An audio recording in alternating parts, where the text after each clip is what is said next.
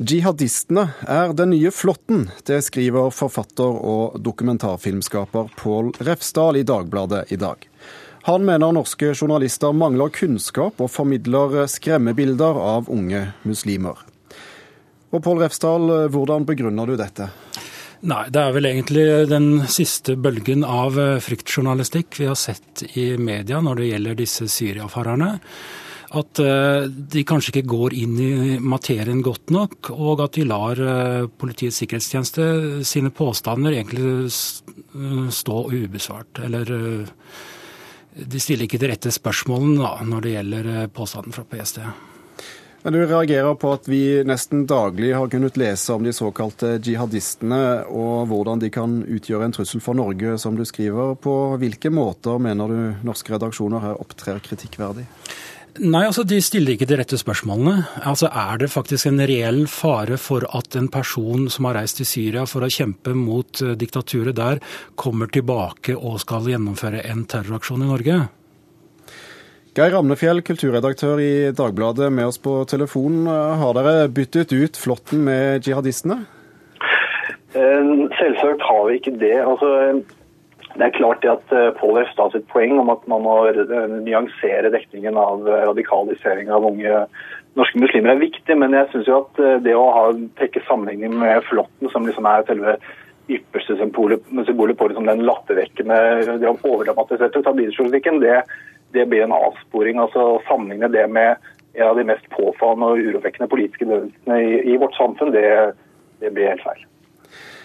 Men uh, Refsdal synes uh, journalistene bør forlange, forlange, at PST dokumenterer sine påstander. Tar dere i Dagbladet alt PST sier for god fisk?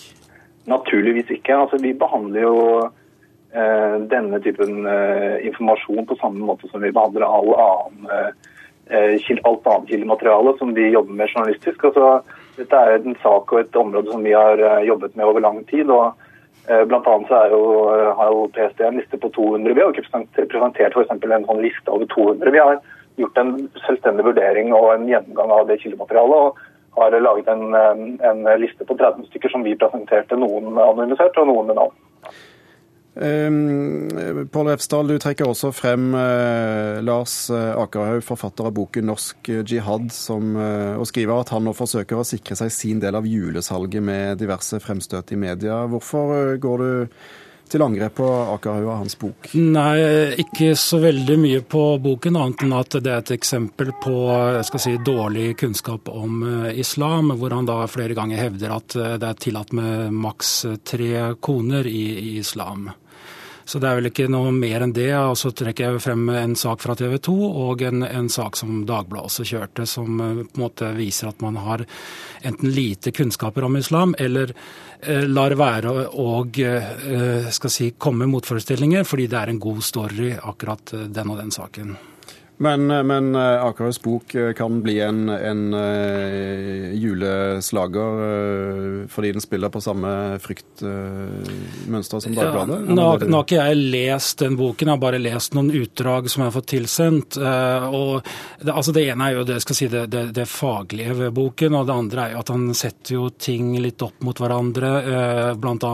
at Al Qaida oppfordrer folk, muslimer til å dra til Syria, og så i neste setning så forteller han om de, om de første nordmenn som reiser til Syria. altså Underforstått at uh, nordmenn som har reist dit, uh, gjør det fordi Al Qaida oppfordrer dem til også å reise dit.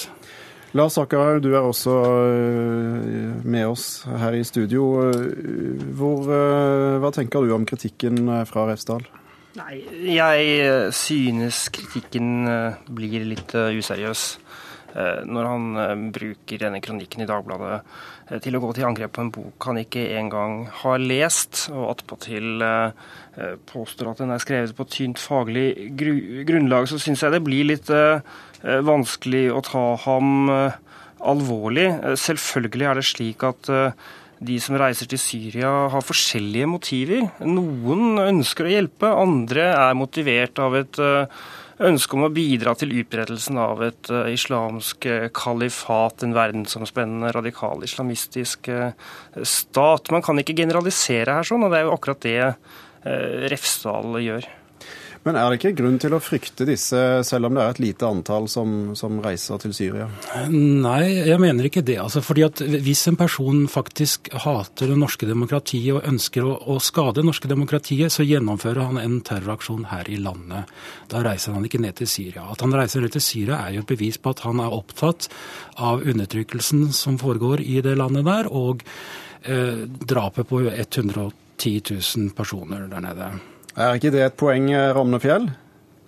Jo, det er klart det, altså, men eh, det blir altfor enkelt å bare se på problemstillingen så isolert. Altså, dette er, Bakteppet er jo alvorlig nok. altså PST sine tall er jo én ting. og eh, Omtrent samtidig som, eh, som, PST har eh, eller vi hadde den saken om PST sine tall, så gikk også eh, Antirasistisk Senter ut på eget initiativ og, og advarte og problematiserte at eh, Islamnett er blitt eh, Eh, den største ungdomsorganisasjonen, muslimske ungdomsorganisasjonen, som har et menneskesyn som, eh, som må oppfattes som problematisk, hvor man er mot at eh, homofile skal kunne leve sammen, og man er mot at kvinner skal ha noen særlig grad av frihet.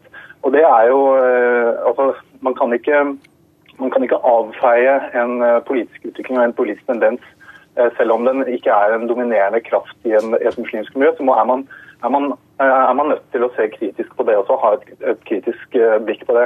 Og hvis jeg bare kan legge til, altså Noe av motivasjonen som Antirasistiske Senter har hatt for å, å, nettopp sette fingeren på det, er fordi de mener at uh, radikalisering blant muslimer um, også utløser sterkere radikalisering i høyreradikale miljøer, altså islamofobe miljøer.